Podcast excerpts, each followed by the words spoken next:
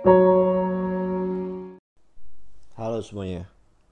Eh sekarang tanggal ini take tanggal 2 pas ya. Jam kurang lebih setengah tiga pagi. Jadi sesuai sidang isbat kemarin kalau tanggal 2 Mei ditetapkan sebagai hari raya eh, Idul Fitri ya. Eh, 1443 Hijriah. Jadi anyway buat teman-teman yang merayakan lebaran selamat hari raya Idul Fitri 1443 Hijriah. Kalau gue nggak salah ya, gue takut salah nih 1443 Hijriah.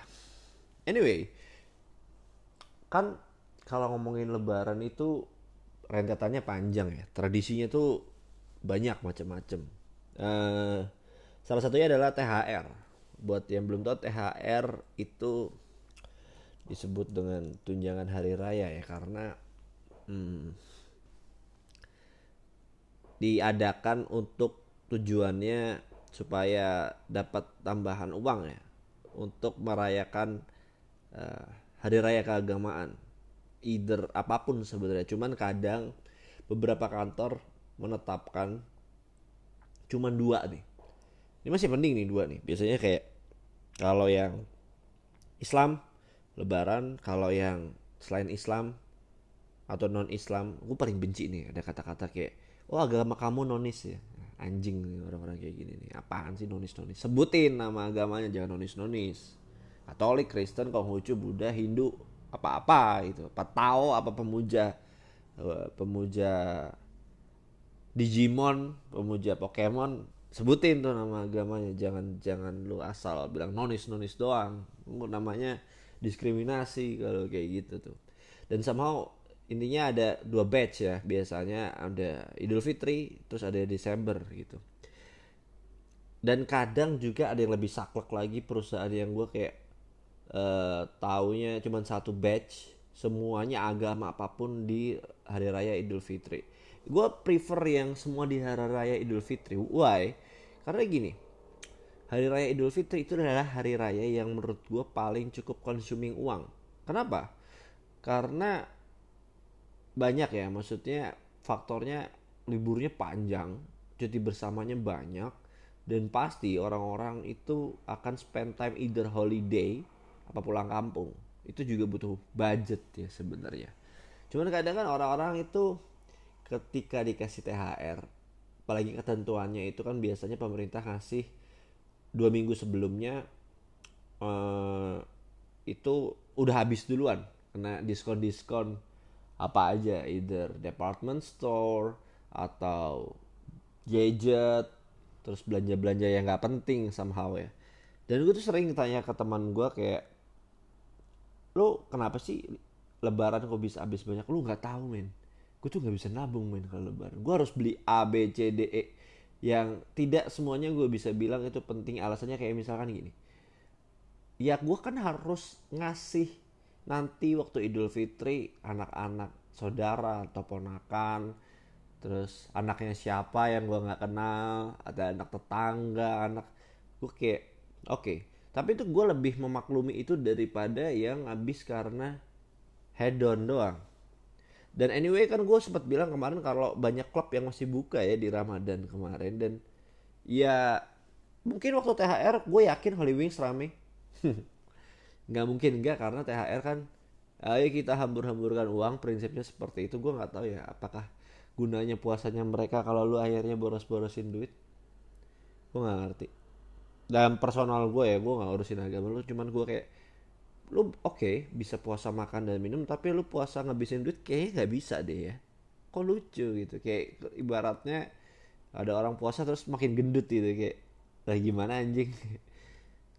Apa sih faedahnya? Itu sebenarnya dibikin bukan karena buta doang gitu bukan cuma asal percaya tapi ada manfaatnya gitu. Kalau gue lihat orang kayak gitu kayak enggak deh kayaknya nggak ada manfaatnya deh buat lo dan gue nggak tahu apakah ada kantor yang THR-nya sesuai agama masing-masing. Kayak misalkan Hindu keluarnya waktu nyepi mungkin uh, Buddha waktu Waisak Konghucu gue nggak tahu apa hari rayanya Kristen Katolik Natal. Jadi semua di disesuaikan dengan porsi hari rayanya. Nggak semua di Idul Fitri itu kan namanya Islamisasi ya. Kalau semua disudutkan ke sana gitu ya. Kayak ini masih diskriminasi nih sebenarnya. Dan kemarin tuh gue baca satu artikel ini lucu sih sebenarnya. Jadi artikel ini tentang standarisasi pemberian salam tempel atau THR untuk anak-anak gitu ya. Anak-anak inilah anak-anak bocah. Ini gue baca ini dalam bahasa Jawa ya.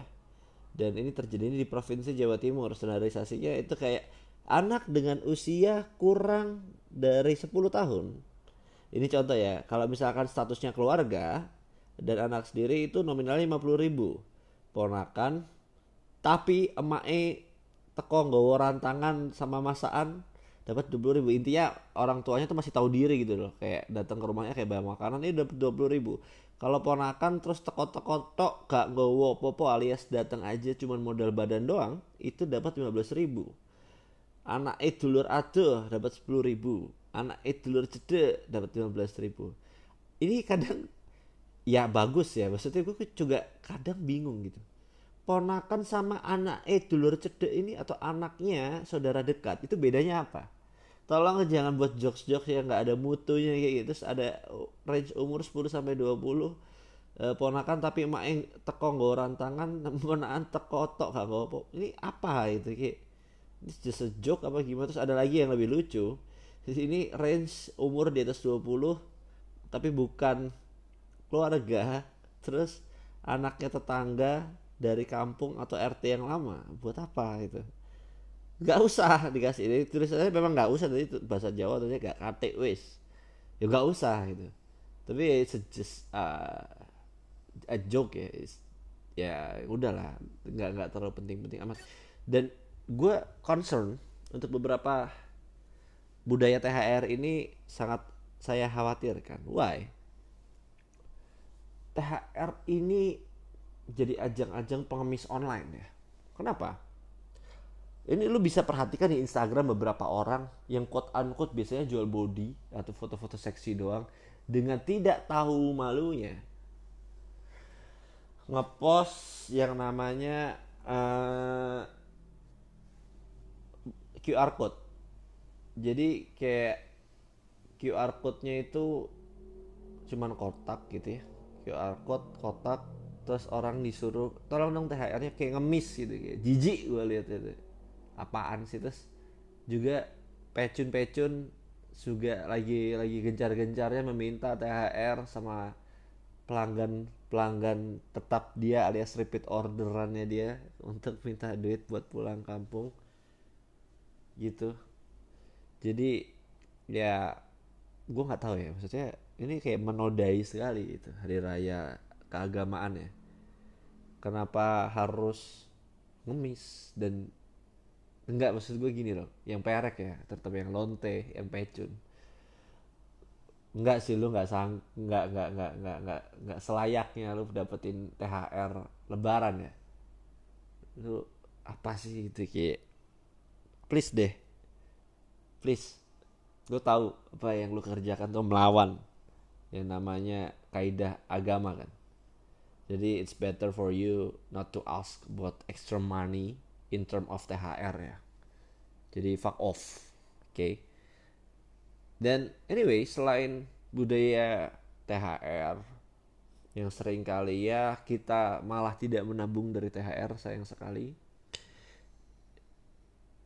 Uh, eh, gue juga menemukan menemukan budaya yang lain selain THR itu takbiran.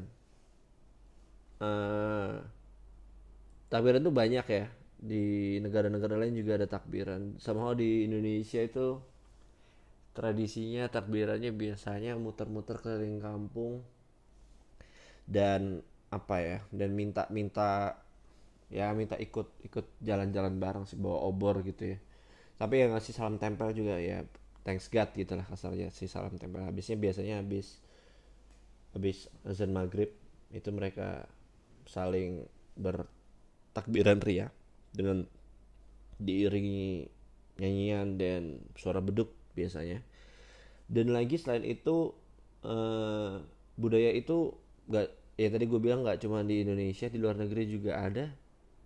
Dan ya mungkin beda-beda pastinya. Gue sih berharap gitu ya dan ada lagi kayak ini gue baca ya coba ya. Uh, di Arab Saudi itu budayanya biasanya dilakukan di King Abdullah Park dan Prince Sutton Park dimeriahkan oleh berbagai selebritis. Bukan hanya itu saja bahkan ada penyelenggaraan bazar makanan hingga acara olahraga. Tidak heran pada saat malam takbiran sebagian besar masyarakat Arab Saudi akan menghabiskan waktu di luar rumah Selain itu berbeda dengan di Indonesia yang menggunakan beduk untuk mengiringi takbir. Di Arab Saudi takbir dikumandangkan tanpa beduk sepanjang malam. Oke, okay, uh, keren sih maksudnya. Gue kok nggak apa gue yang nggak tahu mungkin ada beberapa daerah yang uh, tradisi takbirnya ada bazar makanan kali ya seru sih sebenarnya anyway terus ada lagi di India uh, negara ini biasanya melakukan perayaan takbiran pada malam Idul Fitri sama sih. Orang-orang akan mengunjungi bazar dan pergi berbelanja. Para wanita di India akan menghias tangan menggunakan henna serta menggunakan pakaian adat. Tidak lupa makanan spesial disiapkan seperti hidangan manis yang disebut shir, kurma, dan servai. Hal ini dilakukan untuk memeriahkan malam takbiran serta menunjukkan rasa syukur setelah menunaikan ibadah puasa satu bulan lamanya.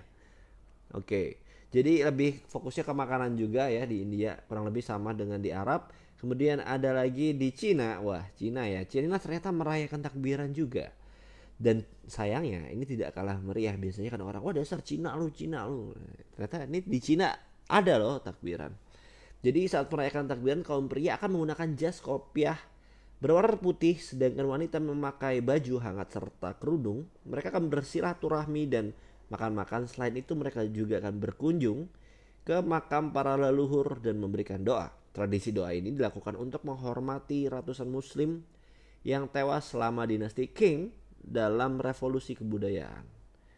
Well, buat lu yang remehin ya fuck off ya, nggak zaman rasisme rasisme nih. Maksudnya kayak gini-gini tuh lu harus tahu gitu kalau di Cina ternyata ada lo takbiran. Terus ada lagi di Eropa, Eropa itu pastinya tidak sebagai agama uh, mayoritas ya. Dan di sana tidak diperingati sebagai hari libur nasional. Jadi dirayakannya secara sederhana, datang ke rumah ke rumah, bawa makanan dan hidangan, berkumpul. Terus kemudian ada lagi di Turki. Turki ya kurang lebih sama lah ya.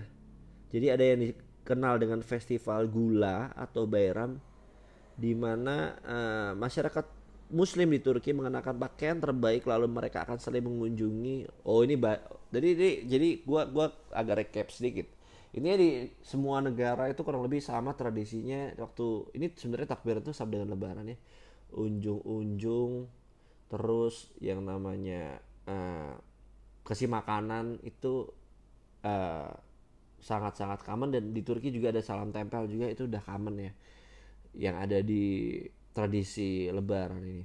Dan kayaknya kemarin tuh gue baca ya ada larangan takbiran gitu kenapa ya ada ada larangan larangan takbir ya. Himbauan larangan takbir keliling. Ini ada lagi di Polres Sleman ya. Waduh. Kenapa ada gini-gini? Terus ada lagi Bupati Sukoharjo mengeluarkan instruksi larangan takbir keliling. Terus ada lagi Polda Jabar lebih baik memakmurkan takbir di masjid-masjid. Jadi sebenarnya juga sama melarang takbir keliling. Tapi beda dengan di Blora ya. Uh, dia mengizinkan warganya takbir keliling. Ada syarat tapi ini gue coba baca ini dari detik.com ada syarat takbir keliling di Blora. Blora itu Jawa Tengah ya buat yang belum tahu. Uh, mana ya? Tunggu sebentar di Blora itu nggak boleh rame-rame sih intinya dan dan uh, tidak sampai nyebrang atau turun jalan. Jadi misalkan lu di perumahan atau di RT itu masih dibolehin ya. Maksudnya kalau di Jakarta juga kadang chaos sih ya. Jadi di jalan-jalan raya jalan-jalan gede lu pada takbiran. Dan yang mau dengerin kan sepi ya apalagi orang-orang pada mudik. Anyway ngomongin mudik. Ini kita kita geser ke mudik ya. Ini mudik kali ini totally different ya daripada dua tahun sebelumnya sewaktu pandemi COVID-19 kenapa beda? Pertama pastinya COVID-19 tidak seserem kita pertama kali kenal waktu 2020 meskipun namanya 19 karena sebenarnya 19 kan di negara lain di Indonesia kurang lebih di Maret 2020 datang ya.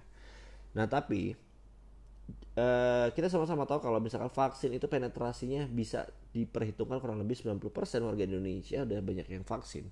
Jadi harusnya herd immunity itu sudah cukup common.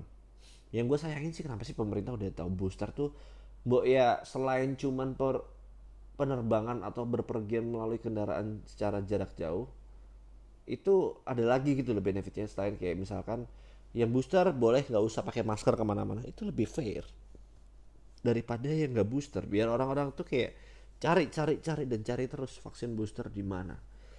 Dan eh, lebaran kali ini tuh orang-orang lebih antusias sehingga ada fenomena lucu seperti dia pakai mobil dan atasnya ada motor gue nggak ngerti apa yang dipikirin orang itu. Kenapa lu tidak pakai motor sekalian? Maksudnya dan juga kenapa harus bawa motor gitu loh? Maksudnya lu mau ke mana gitu? Kalau emang niatnya lebaran di sana ya udah gitu. Di sana tuh apa memang di sana kurang ada gokar sama grab car kali ya makanya. Lah tapi dia mau mobil. Terus motornya buat apa? Logikanya gini ya mobil tuh kan dia naikin karena isinya lebih dari dua orang. Kalau motor satu di atas itu buat apa? Kan itu berarti motor itu cuma muat dua orang. Kayak kalau mau pakai motor itu kayak ya udah misah sama aja. Ini tidak disarankan apalagi kalau di atas lu bawa rumah juga mungkin di atas mobil who knows? Dan mudik kemarin tuh juga gue lihat di beberapa pintu tol sampai macet dan sayangnya kemarin juga gue lihat di bandara pelabuhan juga macet semua. Ya ini sebenarnya bukti di mana orang Indonesia ternyata tidak sesengsara itu kemarin teriak-teriak dia rakyat susah rakyat miskin demo segala macem. Ya aku nggak tahu ya demo itu ngapain dia itu dan ternyata mereka nggak semiskin itu gitu masih bisa kok pulang kampung. Dan naik mobil gue nggak lagi ngomong yang ada uh, yang lu pada naik angkatan umum ya atau kayak bis kota gitu enggak. Gue lagi ngomong yang di tol macet. Itu mobil semua. Kebayang nggak? Mobil. Semua. Keluar Jakarta. Terus bilangnya miskin. Gila sih kayak. Enggak sih lu nggak semiskin itu sih. Kalau lu miskin kayak di tahun-tahun ini baru recovery banget bisa cari kerjaan bener feeling gue sih lu nggak punya uang buat THR kalau lu bener-bener ngomong sesuai sama apa yang lu omongin kayak rakyat susah rakyat susah. Doyan bener dia ngomong dan bilang kayak pengen victim dirinya susah padahal nggak susah gitu enggak enggak lu masih bisa makan. Lu masih bisa pulang. Bisa loh ada budgetnya ada. Please deh orang Indonesia tuh mungkin kurang pede kali ya kayak gue tuh nggak mampu gitu apa apa nggak mampu gitu. Heran ya ya dan masalah mudik itu kemarin gue baca beberapa orang bukan beberapa satu sih kayak ini. Jadi di tengah kemacetan si mbak-mbak ini tuh kayak lagi buka laptop di jalan tol. Di, di, dia duduk di jalan tol jalan aspal ya. Dan sampai ada ada momen uh, cuti bersama boleh asal bawa laptop. Uh, apakah ini masalah? Dan menodai uh, yang namanya tradisi Lebaran? Gua gua gak habis pikir ya ini mbak mbak ini feeling gue cuma cari sensasi dong ngapain juga lu mau bawa laptop dan duduk di aspal sambil kerjain kerjaan lu? Ya ya enggak lah maksudnya kayak biar apa sih? Gitu. Dan apakah seorang bos salah ketika meminta anak buahnya untuk bekerja tetap saat cuti gue jelas harus bilang salah karena gini ketika lo masih bilang dan menyuruh karyawan lo untuk bekerja di hari raya se uh, sehubungan dengan operasional itu tidak bisa ditinggalkan ya. Contoh kayak logistik, contoh kayak karyawan Indomaret, Alfamart, pom bensin, dan beberapa sektor lainnya yang dianggap penting waktu mudik lebaran ini. Ya lo harus kasih sesuai dengan peraturan pemerintah. Gue tuh kalau nggak salah tahu kalau itu dihitung dari apa ya sebagai lembur, lembur hari raya 250 ribu per hari kalau nggak salah ya ada kok hari lembur hari raya nasional ada uang lemburnya tuh ada ada aturannya kalau nggak salah dan dan harusnya ya lu patuhin itu gitu loh. Jangan jangan lu menjadikan itu sebagai apa ya sebuah alasan gitu ya. Ya ya nggak boleh gitu.